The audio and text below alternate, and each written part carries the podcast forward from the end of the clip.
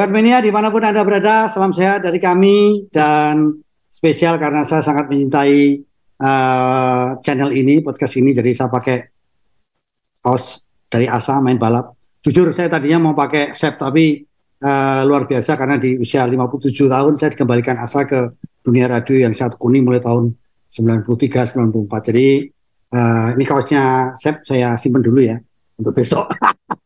Kata, saya tampilin fotonya dulu Mas Yowo. Nah, ini, ini kan uh, tahun 2007 ya Mas Yowo ya? Ya. tahun 2007 di Shanghai. Jadi Sep waktu itu masih tahun pertamanya, uh, ya. dari Sauber ke BMW ke Toro Rosso, uh, terus Mas Dewo masih kinyis-kinyis. Jadi nggak kerasa ini 15 tahun yang lalu ini. Iya, dan sekali lagi teman-teman, saya bisa seperti ini. Ini karena asa, teman-teman. Jadi saya harus terima kasih kepada boleh ya menyebutkan udah 15 tahun kan uh, kalau di Amerika file-file yang lama FBI dibongkar lagi boleh kan? Boleh, udah udah udah lewat masa anu, lewat masa masa beku.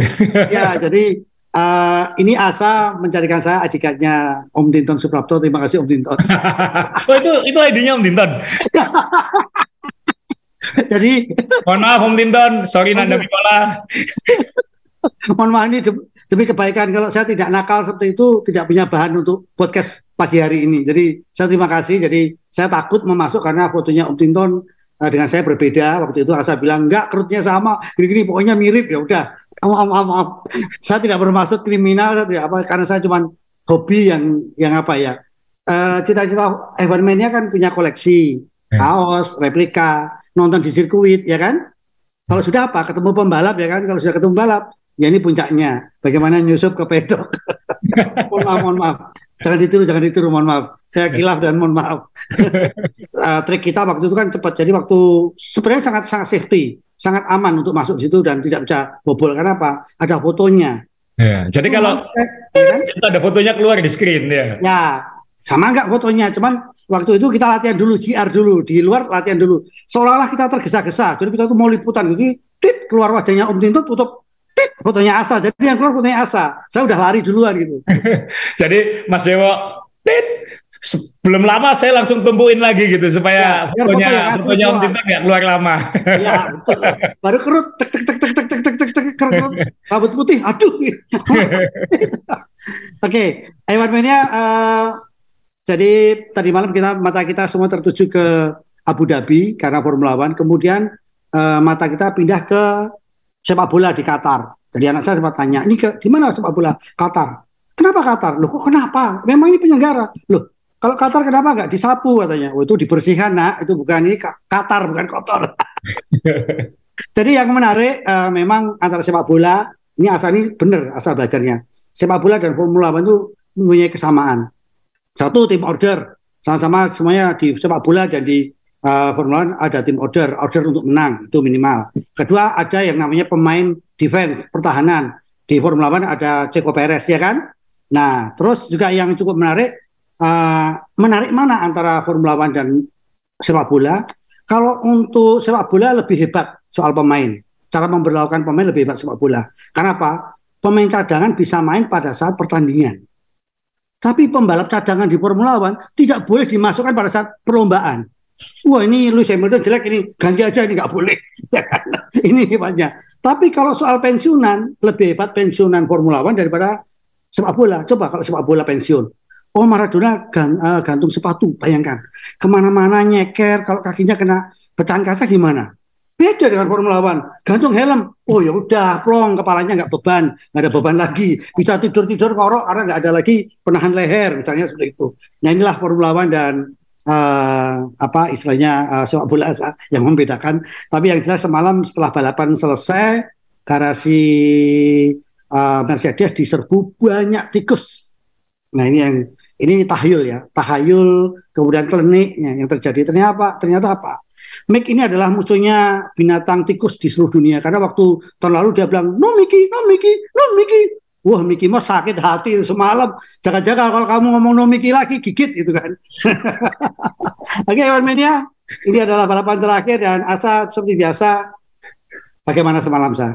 Ya kita bacakan hasilnya. Jadi mungkin ending yang kalau menurut saya ending yang pas ya, tidak spektakuler, tidak kontroversi pasti seperti tahun lalu, tapi ending yang proper yang kita bisa menutup buku ini dengan selesai. Jadi tidak ada tidak ada perasaan-perasaan yang mengganjal menurut saya, kecuali mungkin pembalap-pembalap yang dapat kursi. Tapi uh, misalnya kontroversi soal Red Bull ditutup dengan dengan wajar dengan di lintasan.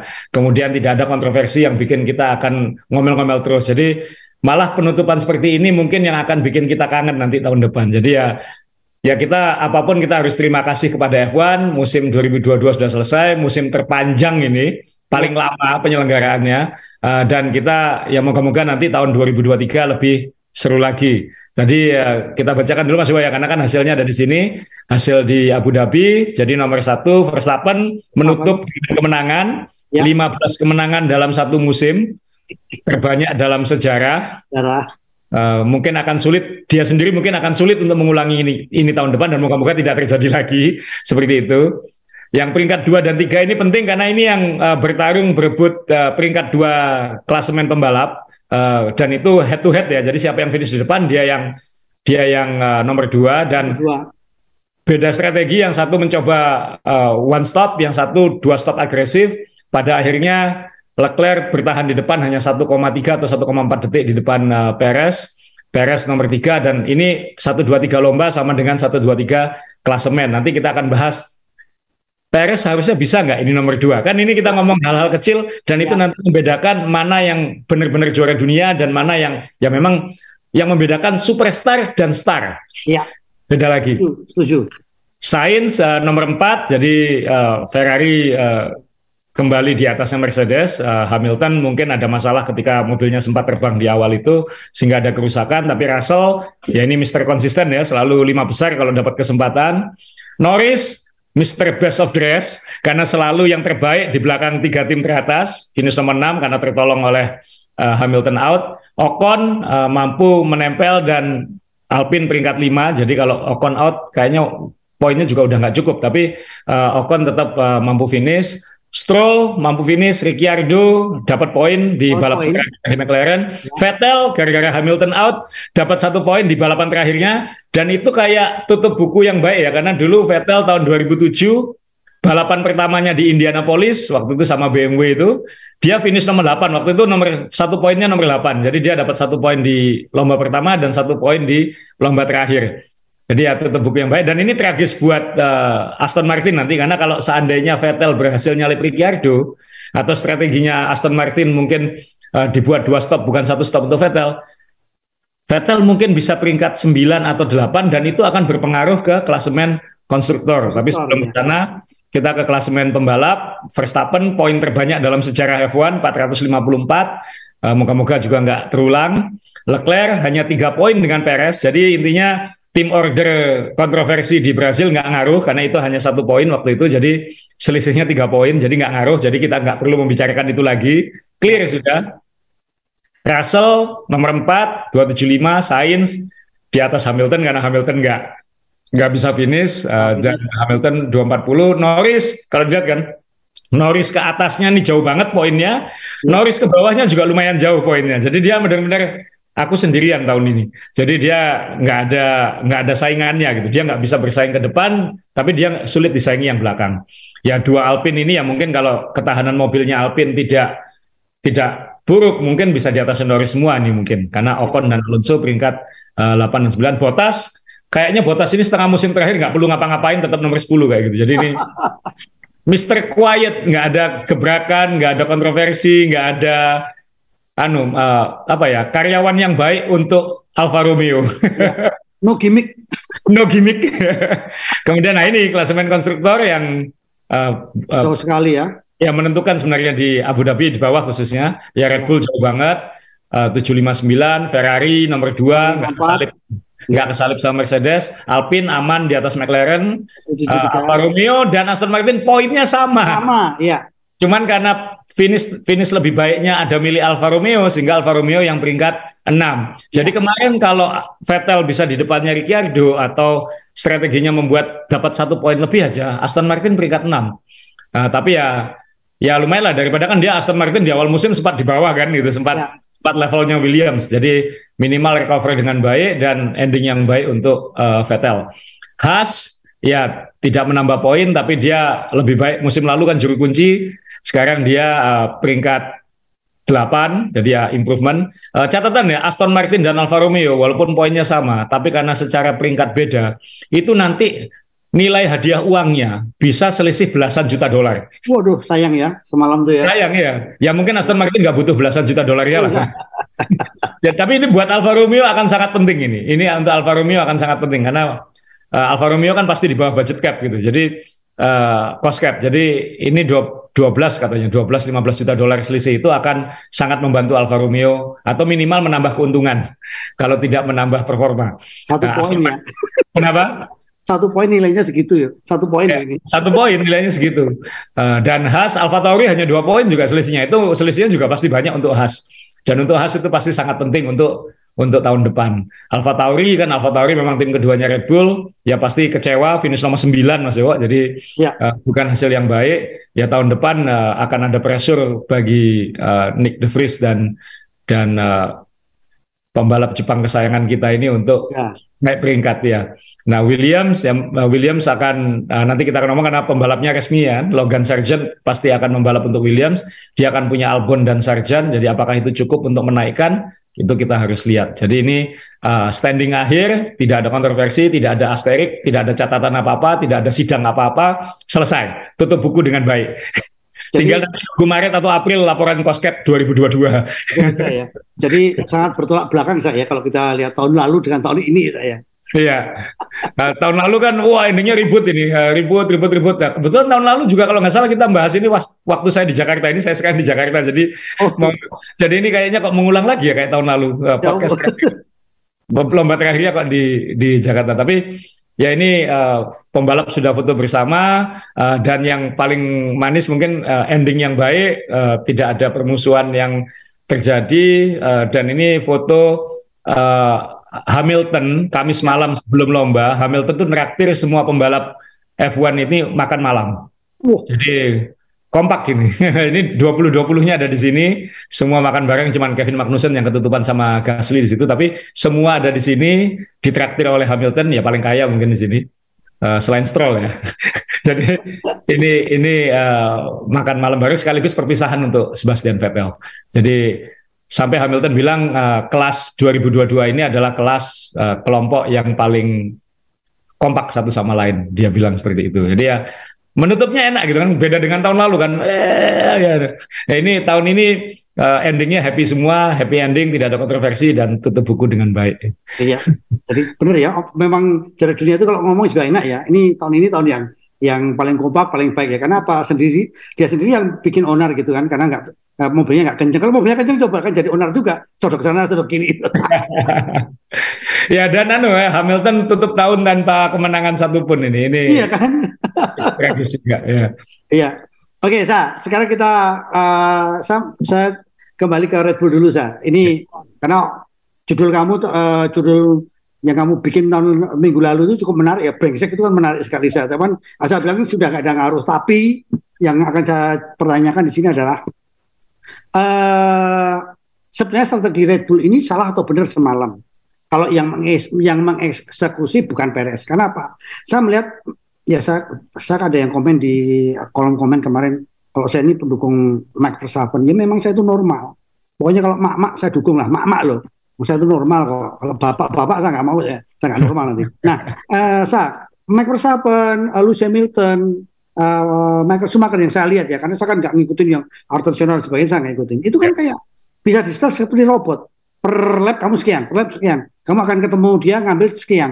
Kalau dilihat dari data kan seharusnya kamu bisa dapat di, di mana gitu kan? Ya. nah apa apa ini yang asal tadi bilang superstar sama star Ya, jadi uh, ya judul kita uh, provokatif juga uh, brengsek, tapi itu ya memang juara dunia itu kayak gitu semua, bukan hanya di bukan hanya di F1 di semua olahraga yang namanya superstar yang levelnya seperti itu adalah dia ada selfishnya, ada aku harus dapat terus. Dan tapi kalau aku dikasih tantangan, aku akan makan kayak gitu. Jadi bukan sekedar uh, uh, maunya sendiri, tapi juga berani dan bisa mengeksekusi itu dengan dengan matang gitu kan. Kayak misalnya uh, tendangan bebas dia akan bilang kalau sepak bola ya ini gol. Dia berani bilang kayak gitu dan itu gol. Jadi bisa ngomongin dan bisa menjalani. Itu biasanya ada arogansi, ada level arogansinya seperti itu. Nah, memang uh, Verstappen uh, di Brazil nggak mau ngalah sama Perez.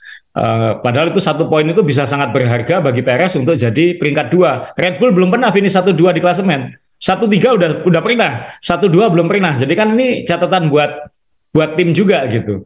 Uh, kemudian ketika sampai di Abu Dhabi kan uh, memang Verstappen pole position nggak ada saingannya, tapi Perez nomor dua. Kemudian dua Ferrari di belakangnya. Eh, nah ini kan jelas siapa yang finish di depan dia yang nomor dua kan begitu. Kalau sudah begini karena Verstappen startnya bagus, Verstappen nggak perlu menolong Perez gitu. Kan nggak mungkin di akhir lomba kemarin Verstappen tiba-tiba melan untuk nahan Leclerc kan juga nggak nggak mungkin gitu. Resiko juga ya. Resiko juga dan perhitungannya Red Bull kan seharusnya Perez bisa nangkep uh, lap terakhir atau satu atau dua lap terakhir perhitungannya Red Bull uh, strateginya. Dan itu kan kalau itu juara dunia mungkin bisa mengeksekusi itu dengan dengan baik gitu. Baik. Verstappen tadi malam uh, mungkin 10-15 lap terakhir mungkin sudah costing aja. Dia nggak maksa sama sekali. Top speednya udah kalah sama yang di belakangnya. Lap time-nya sudah nggak kayak yang di belakangnya. Jadi dia tapi dia kan uh, tanda kutip juga membantu mas Yo dia ngasih tahu bannya aman bannya aman Perez silakan hajar maksimal, bannya akan aman, nggak ada masalah, hajar aja kayak gitu. Jadi uh, dia tetap ngasih informasi karena dia kan satu stop sama kayak Leclerc.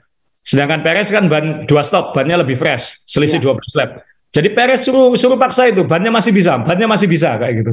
Nah, Perez yang tidak bisa mengeksekusi itu secara optimal. Dua kali kan Mas Yo. Satu ketika dia keluar dia harus tarung dengan Hamilton, dia tidak bisa dia tidak bisa apa cepat mengambil Hamilton Mobil, ya, gitu, dengan mobil yang lebih cepat. Kemudian ketika overlap traffic dia tidak bisa tegas das das das das gitu. Padahal itu mungkin kalau dikumpulkan mungkin ya dua detik. Itu yang seandainya lap terakhir itu dia masuk di RS zone aja sama Leclerc, dia pasti bisa nyalip.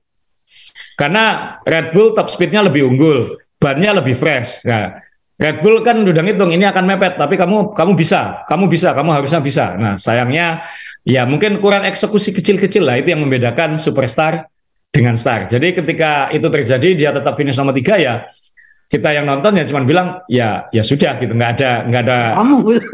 ya nggak ada nggak ada kontroversi nggak ada apa-apa ya memang ya wajarnya begini gitu ya. wajarnya begini ya uh, kita masih di Red Bull ya saya ini uh, dengan dengan apa uh, hukuman uh, di wind tunnel kemudian tahun depan masih yakin nggak sah kalau mobil uh, Red Bull itu masih ya masih masih sangat kompetitif untuk tahun depan gitu.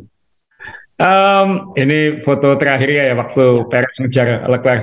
Uh, kalau tahun depan harusnya nggak masalah karena itu kan sudah proses developmentnya sudah jalan sekarang. Jalan, ya. Katanya itu akan ngaruh untuk yang 2024 karena uh, hukuman pengurangan uh, waktu riset itu akan terjadi kan 12 bulan ke depan ini. Ya. Dan itu kan terjadi pada 2023 dan itu berarti untuk 2024. Jadi ya kita lihat aja. Tapi kan minimal Red Bull punya fondasi mobil yang istimewa gitu, yang yang top speed bagus, downforce bagus, balance, tidak proposing berlebihan. Jadi mobilnya tinggal nyari bagaimana mengoptimalkan setelan gitu. Sedangkan Mercedes kan mobilnya uh, high downforce, downforce-nya bagus, tapi high drag, tahanan anginnya tinggi, jadi top speednya jelek. Kemudian juga harus stiff, harus keras banget sehingga porpoising. Ferrari misalnya uh, dia downforce-nya bagus, balance-nya bagus, tapi kelemahannya kayaknya di mesin sekarang. Karena karena dia kan uh, tatanan tatanan power unit bukan mesin tatanan power unitnya agak beda dengan yang lain sehingga ketika di ketinggian seperti Meksiko, Brazil itu mesinnya kayak tercekik gitu jadi top speednya jadi kurang jadi semua tim pasti punya masalah kecil-kecil tapi Red Bull yang paling sedikit masalahnya sekarang. Jadi dia mungkin mobil tahun depan karena dia nggak perlu ngejar ya, mungkin dia sudah mobil tahun depannya mungkin sudah aman ini gitu. Yang lain kan masih harus diapakan ya. Mercedes berubah total nggak ya? Red Bull kan nggak matangkan gitu aja. Jadi ya saya rasa untuk tahun depan nggak masalah. Yang kita harus tanyakan adalah bisa nggak Ferrari naik level lagi dan operasi secara operasional lebih matang lagi. Bisa nggak uh, Mercedes membuat mobil yang yang tidak merepotkan kan Hamilton bilang uh, ini udah nggak sabar segera tidak nyetir mobil ini jadi itu yang yang dilakukan ini kan mobil mobil Ferrari ini kan ya awal musim kan bintangnya tapi ya. akhir musim ya kemarin dia bisa menyaingi Mercedes, tapi ini mobil yang uh, tahun depan adalah apakah ini basis yang baik untuk tahun depan? Kita nggak tahu. Karena tim-tim lain tidak nyontek dia gitu. Yang di awal musim nyontek dia, akhirnya nyontek Red Bull. Kayak Aston Martin kan. Uh, termasuk Haas. Kan akhirnya lebih mirip ke uh, apa Red Bull daripada ke Ferrari. Padahal di awal musim kayaknya niru Ferrari lebih enak gitu. Nah kemudian kalau mobilnya Mercedes ini kan, wow di awal di awal tahun kan ini waktu Hamilton di awal lomba ya. Ini mobil, wih tanpa sidepod, wah ini berarti kan harusnya tahanan anginnya lebih baik atau ternyata ya. malah dragnya lebih tinggi, tahanan anginnya justru lebih tinggi daripada yang lain untuk trek lurus. Nah nanti tahun depan apakah berubah? Nah ini uh, tantangannya menurut saya ada pada Ferrari dan pada uh, pada Mercedes maaf. Sedangkan Red Bull kayaknya tinggal optimalin aja gitu. Apalagi secara operasional matang semua. Iya. Ya. Dan uh, ya nanti kita kita ngomong di akhir Mas Dewa karena kan ada penambahan pembalap mungkin di Red Bull yang itu akan memberi pressure kepada Perez malah kayak gitu. Jadi ya, ya. itu nanti endingnya. Okay. Nah ini sa uh, kembali ke ke balapan semalam gitu ya. Jadi ini kan strateginya sudah bagus sekali ya. Dalam arti kita siap diberi tontonan yang menarik karena satu pit stop ada yang dua gitu kan. Ini seharusnya kan modal akan jadi tontonan yang bagus itu. Nah, uh, kalau kalau melihat data yang sudah ada kan harusnya kembali lagi Perez ini asal tadi jadi saya jadi terkritik. Perez ini kok menurun sekali dibanding tahun lalu. Orang bilang karena mobil tahun ini memang mobilnya di setting untuk Max uh, Verstappen. Kalau di mobil kadang-kadang saya masih berpikir apa benar gitu. Kalau di MotoGP bisa jadi kalau di MotoGP karena memang antara manusia dengan mesin yang jadi satu ya, dengan kendaraan jadi satu banget gitu kalau MotoGP. Kalau mobil Formula One kan uh, rasanya kan pusat tanda petik ya. Kenapa penurunan dari Perez ini sah? Apakah uh, memang mobilnya atau apa kira-kira sah? Ya ini kan uh, secara sederhana kan bisa bilang oh ini mobil dibuat untuk Verstappen kan kasar aja kayak gitu. Saya juga banyak ditanyain itu mobilnya beda ya. Sebenarnya mobilnya pasti nggak beda, pasti sama. Basic mobilnya ya. Uh, kita waktu uh, Mas Adi kan cerita mesin Red Bull dengan mesinnya uh, Alfa Tauri itu sama gitu. Tinggal bagaimana mobil sasisnya itu berinteraksi dengan mesin uh, dengan power unitnya dan bagaimana pembalap itu menemukan setelan dengan yang sesuai dengan gaya membalapnya karena tiap orang gayanya beda-beda. Eh, memang tidak se ekstrim dulu. Dulu kan ada yang suka tiga pedal, ada yang cuma dua pedal. Zaman oh. transisi, zaman transisi dari era apa semi oh, iya. itu kan, era pindah gigi pakai tangan sama pindah gigi di sini kan dulu masih ada yang pembalap yang senior dulu dia nggak bisa pakai dua pedal dia maunya tiga pedal. Itu kan terjadi gitu. Nah oh, iya.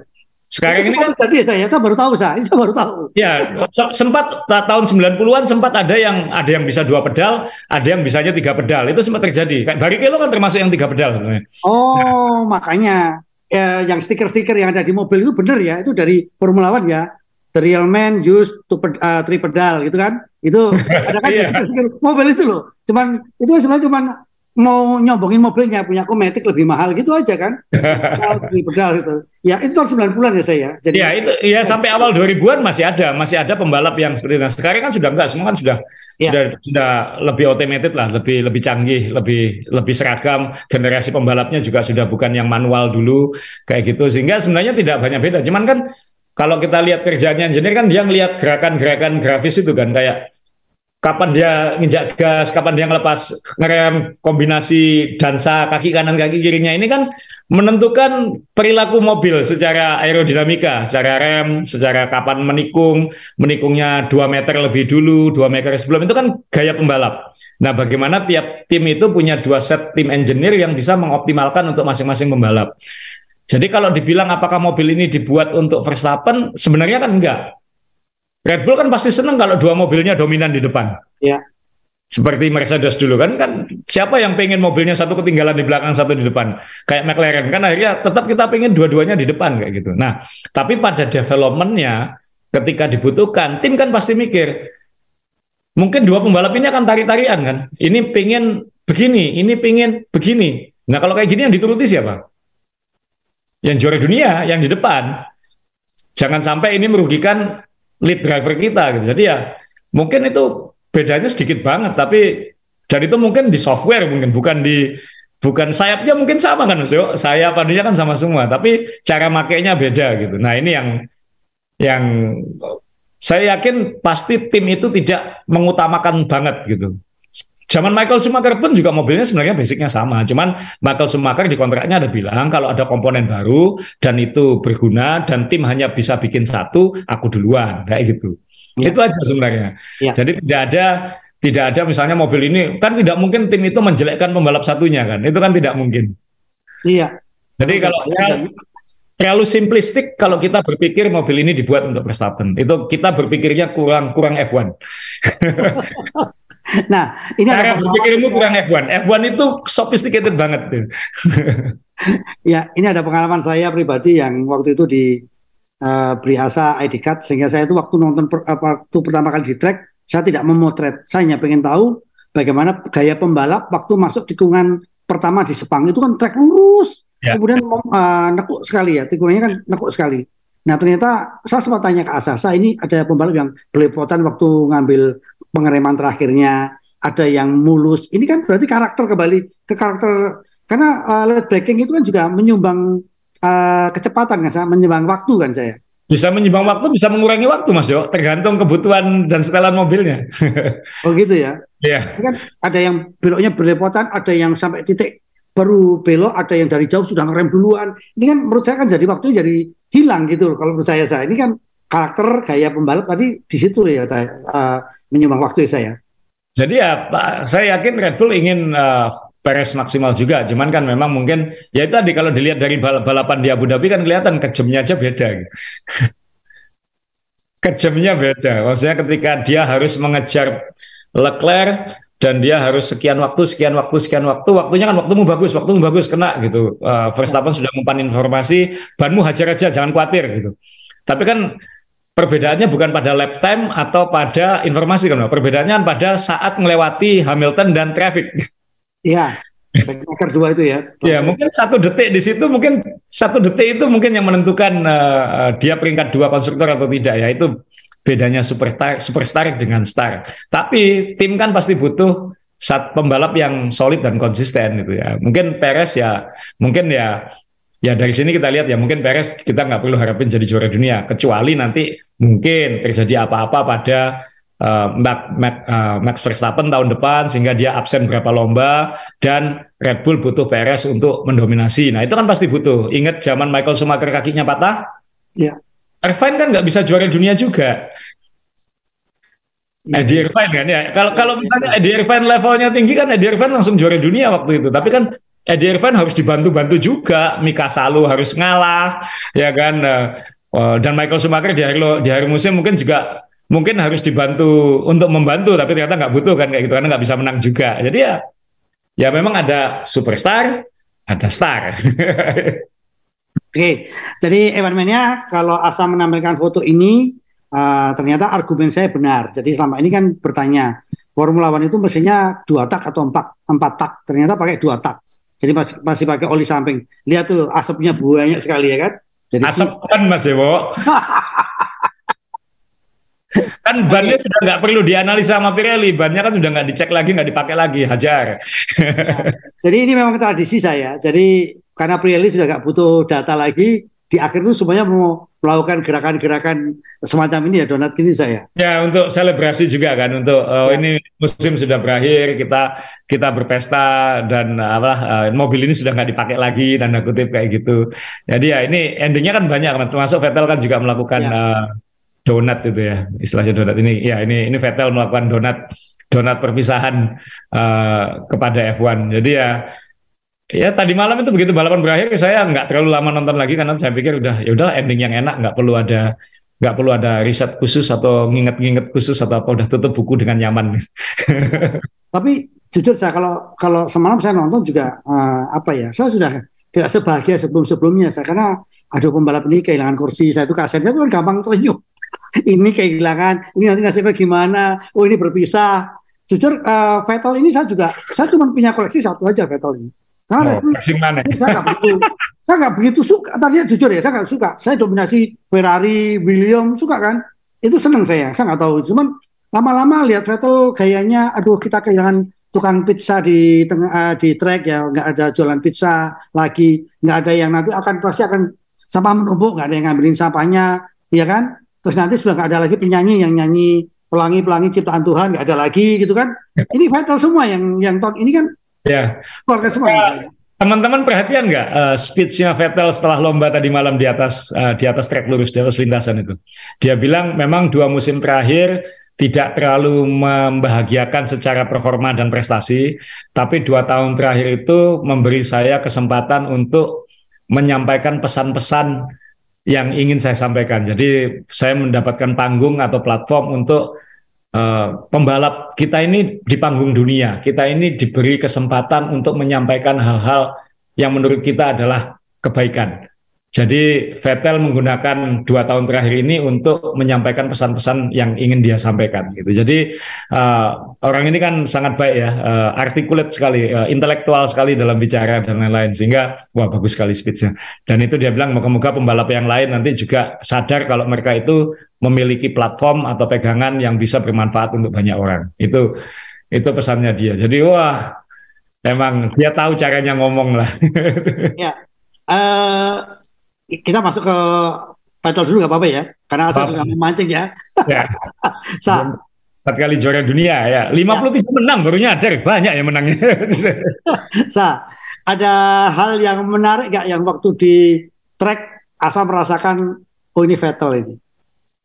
Ya, dia kan sempat tarung sama apa Ocon, Alonso uh, jadi sandwich tengah-tengah itu dan dia agresif, cukup agresif dan dia sempat ngomel juga ke timnya kenapa kok saya tidak dua stop seperti yang lain kayak gitu. Jadi uh, masih keluar begitu-begitunya. Tapi secara overall ya ya mungkin fokusnya lebih ke depan waktu itu jadi tidak terlalu memperhatikan tapi bahwa sempat khawatir di akhir, di akhir lomba waduh Vettel nggak dapat poin kan nggak enak ini. Tapi begitu Hamilton out, Vettel dapat poin oke okay lah, enak kayak gitu. Ya. Kalau saya sederhana saya jadi Vettel ini ya memang saya koleksi cuma satu, cuma saya udah janji saya pengen punya mobilnya waktu dia di Aston Martin. Uh, saya masih ingat waktu malam-malam saya melakukan kesalahan sehingga kita pulang terlalu malam di Sepang waktu itu karena saya melakukan kesalahan foto saya banyak yang bleset. Asal butuh yang perfect, asalnya orangnya perfect sekali. Jadi foto saya cuma bleset yang yang bleset itu ya, mata saya melihatnya tidak bleset tapi asal melihat ini satu satu rambut blesetnya. Saya masih ingat. Jadi kita pulang malam dari media room Vettel masih duduk eh, berdiri di garasinya inget gak saya? Iya. Yeah. Kita iseng yuk, yuk kita minta foto yuk. Waduh males males, udah capek, udah capek gitu kan. Tapi yeah. ini kan orangnya baik gitu kan. Oh iya iya iya foto yuk, foto yuk. Akhirnya kita kembali foto kan. Terus yeah. foto, kemudian Vettel, kok kamu uh, foto kok nggak ada apa-apanya, bayar dong, oh, gitu kan. Pakai yeah. apa? Kamu tanya gitu terus. Ya itu burger yang kamu pegang itu. Yeah. ini kan yeah. gini, ini pembalap, ini juara dunia loh. Ini Formula yeah. One loh ini hal kecil kayak gini masih masih keluar kemanusiaannya gitu untuk ber, untuk bersosialisasi. Ya, ya kan? sekali ya, ya. ya kan, Jadi kan? ini saya punya foto kita bertiga sih Mas waktu di Ferrari tapi. Iya, uh, jadi ya. orang ini kan sangat apa ya, sangat malah ini sempat kalau nggak salah ada foto versi foto ini yang dia yang yang nyelfiein kalau nggak salah. Jadi ya ini orang yang anu, ramah uh, manusiawi ya maksudnya. Jadi ya. nguoke orang, jadi uh, mengorangkan orang lain seperti ya. itu. Jadi ya. Jadi ini saya juga harus terima kasih saya karena kaos ini adalah uh, lustrumnya antropologi UGM bisa pakai ini. Jadi ya. Tapi gini sa, satu hal sa. Ya. Di di tempat ini kita juga sempat uh, tercengang kan, ketika garasinya Vettel Ferrari dekat dengan Mercedes, ingat nggak? Ya. Yang waktu itu Vettel hampir setengah jam lebih saya tungguin hanya melongo apa yang dilakukan oleh Mercedes. Ini kan gila waktu itu kan. Ini pembalap ya. baru di Ferrari, dia waktu itu hanya melongo karena garasinya nggak ada batas kan kalau di Formula One kan uh, pedok ada bagian melongok sampai lama sekali itu. Ini kan yeah. tidak hal apa ya saya, hal yang hal kecil yang dilakukan oleh pembalap. Belum tentu pembalap lain mau kan saya berdiri oh, repot, ya. Iya kan? Apa Makanya dia dikasih julukan inspektor set gitu kan, karena suka ngamati hal-hal lain kecil-kecil di sekeliling dia. Jadi orang yang memang orang yang apa ya, orang yang antik mas Maksudnya ya ini karakter yang mungkin nanti di F1 sulit cari gantinya ini kan. kan ya. Siapa yang yang punya kayak gini? Kayak misalnya kemarin misalnya waktu sebelum balapan dia ngundang seluruh personel di pedok untuk siapa mau ikut lari sama saya keliling sirkuit gitu. Diajak diajak jogging gitu. Terserah nggak harus kebut-kebutan sesuai kecepatanmu. Jalan juga nggak apa-apa. Yang semua dikasih kaos uh, tulisannya Danke Sap ini kan dari F1 mungkin kaosnya Vettel tulisannya Danke F1 terima kasih F1. Ini kan humanis banget mas semua saat dua ratusan lebih di pedok itu ikut gitu nggak semua pembalap ikut ya karena mungkin capek atau apa tapi dia ngajak ngajak uh, mekanik-mekanik, semua yang bekerja di pedok Evan itu diajak lari bareng sama Dan dia. mau ikut gitu ya. Dan Iya. mudah mau ikut. Ini kan orang melihat siapa yang mengundang kan sa. Ya, ini lihat ini kan seru kan Iya. jadinya Mas Bro. Ya, jadi wah kayak wah ini event lari di sirkuit ini lucu juga ini. Eh, satu hal juga saya ketika eh, liputan di Amerika kan, saya kan waktu itu kan melihat eh, sudah dia sudah dengan timnya jalan muterin. Karena saya ikut hanya berapa meter aja kan. Jadi Iya. dia dengan timnya biasa kalau pembalap kalau di sirkuit yang akan balapan dia pasti akan eh, jalan dengan tim mekaniknya untuk melihat eh, data-data dan sebagainya. kan. Iya. Selesai dia mengambil sepatu olahraga lari lagi saya. Menurut saya Hmm. ini juga gila gitu. Dia udah putar sekali, eh, kemudian lari lagi. Nah, kemudian saya juga waktu itu sempat memotret ini gila nih orang ini. Eh, yang lain pasti udah istirahat atau pergi ke mana. Mungkin ini adalah, adalah Sep ya saya. Saya nggak tahu Sep yang lain. Kalau selama ini kan asal disebut lebih banyak waktunya dan lain sebagainya. Enggak lah ya, contoh humanis ya dia sih. Agak susah kan. Maaf kalau Hamilton kan setelannya kayak bintang hip hop gitu kan. Jadi Ya. eh, kalau dekat dengan orang bodyguardnya bilang don't touch. Enggak gitu. Ada ada gitunya itu Eh, kalau pembalap lain pura-pura cuek ada yang ramah. Tapi kalau Vet- Vettel ini kan kita kalau ada orang mau malu-malu minta foto malah dia yang datang ayo sini sini gitu jadi eh, memang beda kan Mas Yo. Iya. Memang, memang beda banget orang ini ya ya moga-moga nanti di F1 ada yang kayak gitu juga lah kan supaya variasi karakternya Ya. eh, muncul gitu Iya, dan satu-satunya pembalap yang pernah membentak saya, saya ajak selfie, Lewis Hamilton saya. Karena dilakukan di toilet. ya kalau saya yang bentak Mas Dewo. Udah selesai padahal, sama-sama udah selesai di pintu, tinggal dicuci tangan itu. toilet. Tapi kan seru, tidak untuk bahan tulisan. Jadi ya, biasa. iya, ini ada ayahnya juga ikut pesta kemarin, kayaknya happy banget. Eh, eh, dia eh, anaknya sejak umur 17-18 sudah di F1, kemudian lulus eh, dengan empat juara dunia, 53 kemenangan. Itu lebih banyak daripada Alain Prost, itu lebih banyak daripada Ayrton Senna kan. Eh, sehingga ya karir lah, maksudnya wah, salah satu yang terbaik kan kalau sudah kayak gitu. Jadi ya sejarah akan selalu ingat ya. Tapi kan siapa tahu juga nanti ada apa-apa tiba-tiba Vettel balik kan kita juga nggak tahu Mas. Iya, Tapi iya, iya, Sa. Tapi yang jelas memang eh, saya semalam sangat apresiasi sekali ketika Vettel di mobil dideketin oleh Alonso, salaman. Itu saya ada dua pemikiran saya. Ini orang baik sekali ya. Yang kedua, orang ini matre ya. Terima kasih ya tempat dudukmu ya. Gajinya gede. Selamat selamat bersama-sama bersama keluarga. ini kan Mas Yo, ya, ya Alonso umur 40-an masih akan lanjut gitu, masih akan akan ngambil kursinya Ya. Vettel ya. Ya ini eh, ya Norris yang di tengah ini eh, tidak sebaik musim lalu tapi Norris menunjukkan dia eh, superstar masa depan.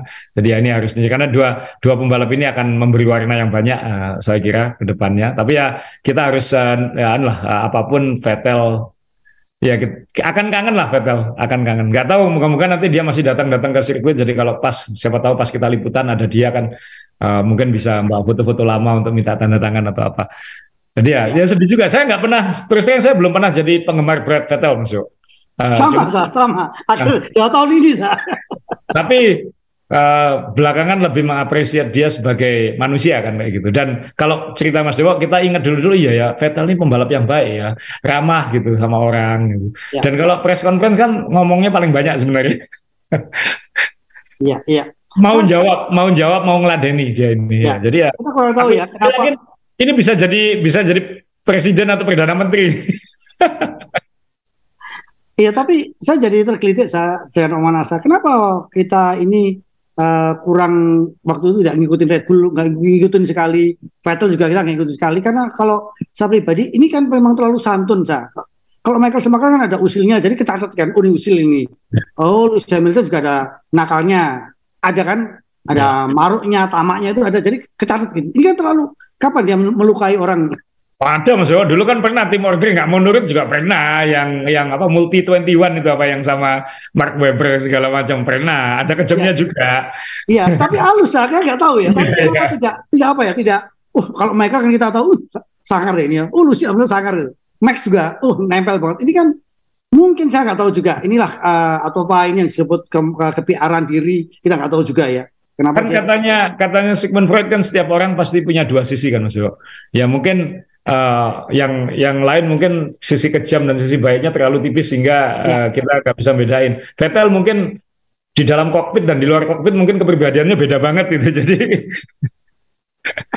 ya tutup ya tertutupi. Jadi ya itu ya dan uh, kalau ngomong perpisahan nanti kan uh, ya nanti moga-moga kita minggu depan masih bisa ngomongin kayak review keseluruhan sama kita ngomongin mungkin ke depan nanti F1 seperti apa tahun depan.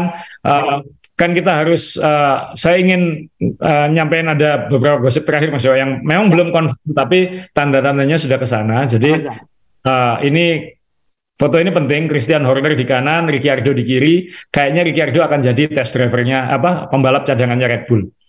Pembalap cadangannya Red Bull dan uh, ini sudah mulai diomongkan sama Helmut Marko, sudah di, dikomentari juga oleh Christian Horner dan bahkan uh, Ricciardo juga sudah bilang bahwa jadi cadangannya Red Bull itu mungkin lebih baik daripada jadi pembalap di banyak tim lain.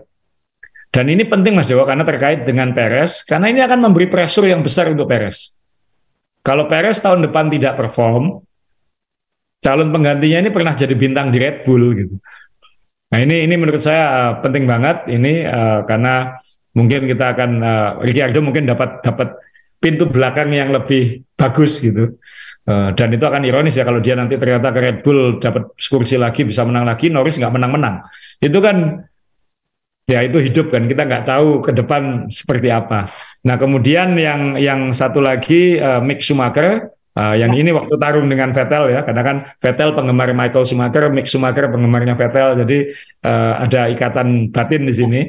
Mick Schumacher ini uh, ada kemungkinan akan jadi reserve-nya Mercedes.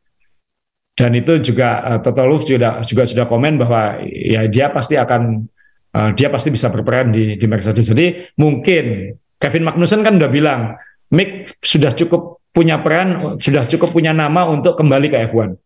Tinggal nanti dapat kesempatan atau tidak.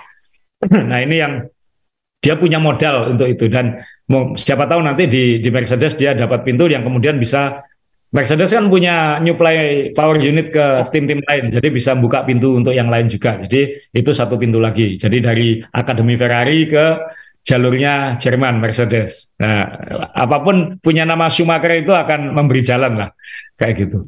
Nah, terus satu lagi ya, ini terkait dengan F2 di F2 di Abu Dhabi yang juga finale. Uh, Logan Sargent pembalap Amerika ini akan sudah mengamankan sudah mengamankan uh, super license. Jadi dia akan membalap untuk Williams tahun depan. Jadi uh, ini yang jadi balapan terakhir benar-benar tutup buku. Jadi benar-benar uh, endingnya nggak ada kontroversi. Susunan pembalap untuk tahun depan juga sudah komplit. Kan kadang-kadang musim selesai masih ada beberapa kursi kosong kayak gitu. Ini nggak. Kan khas pasti ngambil Nico Hulkenberg. Jadi sudah selesai semua. Jadi kayaknya semua tim F1 ini ingin Abu Dhabi selesai kita semua liburan. Ya. Gak ada pusingan, gak ada apa-apa. Ini dan ini membuat kita minggu depan mau ngomongin apa Mas Dewo? Karena gitu. Jadi udah, kita udah selesai semua. Ya mungkin Mungkin hari Selasa besok itu masih ada uji coba di Abu Dhabi, pembalap-pembalap muda, uh, pembalap-pembalap baru, uh, termasuk nanti kayaknya uh, Nick De Vries dapat kesempatan di di McLaren, kemudian uh, Alfa Tauri kan mungkin uh, siapa tahu nanti bisa eh Nick De Vries, sorry maaf, uh, Piastri di McLaren, Nick De Vries di Alfa Tauri, uh, mohon maaf uh, kecampur-campur, ini akan mungkin akan nyoba mobil barunya. Mobil, mobil timnya bukan mobil baru mobil timnya di di Abu Dhabi ini. Jadi itu uji coba penutup setelah itu semua liburan awal tahun depan baru ada uji coba. Ya. Oke okay, sekarang kita uh, kalkulasi ya sekarang kita kalkulasi.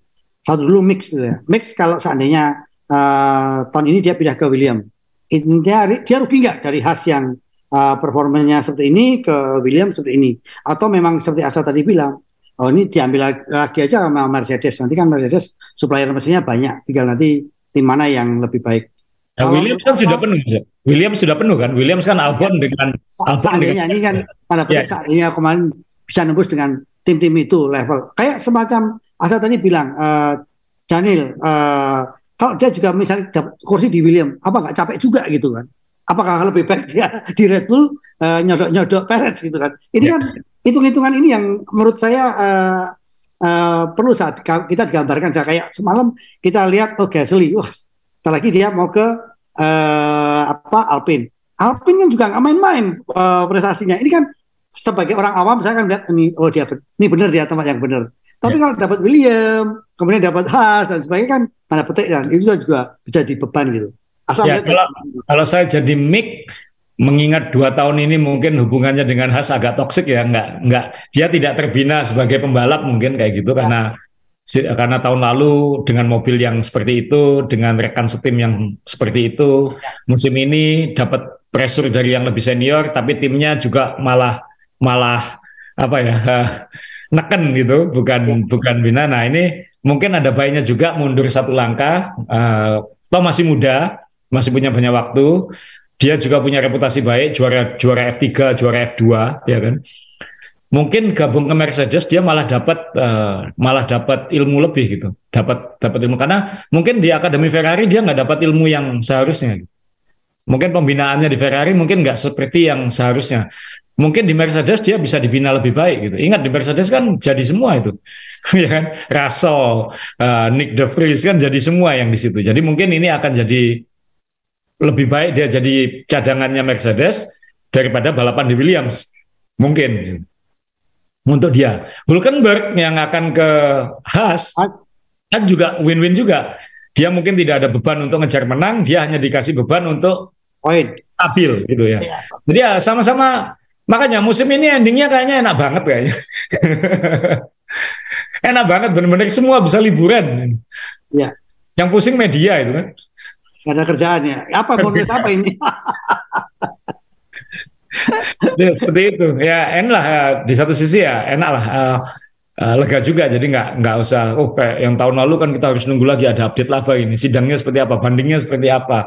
Bener salah nggak ini? Uh, juara dunia bisa dicopot nggak ini? Kan ada gitunya kan. Ya. nah, tahun ini endingnya soft landingnya enak gitu. Tes selesai. Ya. termasuk silly seasonnya. Ya jadi ini uh, tahun depan kita akan disuguhi suatu hal yang menarik karena Perancis ini benar-benar mobilnya Perancis, pembalap Perancis ini juga cukup menarik saya. Sementara kan juga Italia ini juga punya mobil yang hebat, tapi juga nyari pembalapnya di Formula One yang juga sulit juga, gitu kan. Beda dengan MotoGP dia sekarang ini Italia lagi lagi booming juga kalau di MotoGP kalau di Formula One kan tidak. Nah, iya, uh, kan, kenapa sih? Iya Italia yang berat ya sekarang. Ya kan kemarin Giovinazzi kan dikasih kesempatan uh, free practice kan di di Alfa Romeo atau ya di di Has. Tapi kan kemudian juga nggak nggak perform melintir atau apa gitu sehingga ya ya udah coret Nico Hulkenberg akhirnya. Ya ini yang yang ya kadang-kadang kan gitu kadang-kadang kok Jerman semua ya kadang-kadang kok Inggris semua ya ya kalau MotoGP kan dari dulu ya pasti Italia Spanyol Italia Spanyol gitu itu yang yang yang sering tapi di F1 ini kan lebih lebih campur-campur ya kita tunggu aja ini kan di kelasnya uh, eh, F2 sekarang kan banyak yang bisa naik semua itu kan. Betul. Betul. Nah, kita, kita tunggu nanti rebutan kursinya 2024 seperti apa. Dari ya. nanti pintu dari IndyCar juga sudah terbuka. Kan kita nunggu juga ini bintang-bintang dari Amerika. Sarjan kan mungkin dia prestasi dari bawah ke atas, tapi bukan bintang di Amerika. Nah, bintang-bintang di Amerika ini kan juga bisa masuk. Kita nunggu apakah Andretti bisa masuk uh, eh, F1 nanti. Kalau itu bisa masuk, mungkin buka pintu lagi. Ya masih ya, anu, uh, ke depannya masih akan seru Evan ini, uh, tapi uh, minimal untuk tahun ini endingnya top. Kayaknya udah cukup dong kita ini mau ngomongin apa lagi kan endingnya udah nah, enak. Ya. Satu lagi saya ini ya. satu lagi menarik. Jadi jangan lupa balapan pertama, dua, tiga kita harus tonton ya saya karena ini banyak pembalap muda saya. Kita ingat ya. nih kita, kita ingat Sunoda awal-awal masuk di balapan ketemu pembalap senior itu kan banyak orang yang miso-miso. Ini jadi ini kan banyak pembalap muda nih. Ya. Itu tahun satu dua tiga nanti kita lihat ya. Ya, uh, jadi kita akan mengikuti minimal nanti Selasa besok setelah di Abu Dhabi kita lihat hasil uji coba, tapi itu akan terlalu signifikan. Uh, uh, itu ada juga, juga uji coba ban Pirelli untuk tahun depan juga tambahan, tapi setelah itu benar-benar liburan. Apa kan? Sudah silly season selesai, uh, sebenarnya benar-benar bisa liburan. Mungkin bisa ngomongin hal-hal yang non F1 yang yang non aktual ya, yang yang kita ya, Jadi kita buka aja sah, kalau asal setuju juga uh, mungkin teman-teman ada yang usul, oh di kota saya ini ada yang suka F1, koleksi di sini, siapa tahu kita bisa nimbrung bareng uh, podcast bareng kita. Kemudian juga, wah ini di Bandung atau di mana, di mana pun silakan, siapa tahu nanti biar dipilih oleh teman-teman, bisa gabung kita ngobrol koleksi, kita ngobrol pengalaman nonton di sirkuit, ini cukup menarik. Uh, ya mungkin nanti ada liburan liburan akhir tahun siapa tahu Mas Tepi balik dari Eropa ya, ya. Nah, kita bisa ajak lagi uh, kemudian ya, ya. Uh, saya juga komunikasi dengan Son, Son Glael, kan ini menarik kayaknya uh, uh, endurance championship tahun depan kayaknya akan ini akan profilnya akan naik terus karena Ferrari juga akan turun di situ, ada banyak pabrikan-pabrikan akan turun, jadi profil uh, profil eventnya juga akan naik. Um, ya nanti kita akan cari tema-tema untuk ngisi lah, gitu. tapi ya. minimal minimal untuk musimnya kita nggak ada kontroversi yang harus dilanjutkan. Lega saya nggak, nggak harus belajar apa-apa lagi. Ya, baik uh, Ewan Mania sekali lagi uh, channel ini dibuat memang karena hobi semata-mata hobi. Kita juga tidak ingin uh, punya tujuan lain kecuali cuma ini hobi aja. Uh, yang jelas uh, karena awal-awal kita juga sudah senang Ewan dan ternyata sekarang booming, banyak teman bergabung dan lain sebagainya. Uh, terima kasih atas uh, support channel uh, kita ini. Dan jangan lupa teman-teman ini uh, jujur aja ini kaos enak sekali. Dan rasanya wajib punya ini karena tahun ini kan temanya tema-tema yang kalau kita kangen oh Aston Martin saya yang hijau lah. Saya nggak tahu kalau ini asalnya pasti William ini karena biru-biru ini William misalnya. Red Bull mas yo. Oh, ada?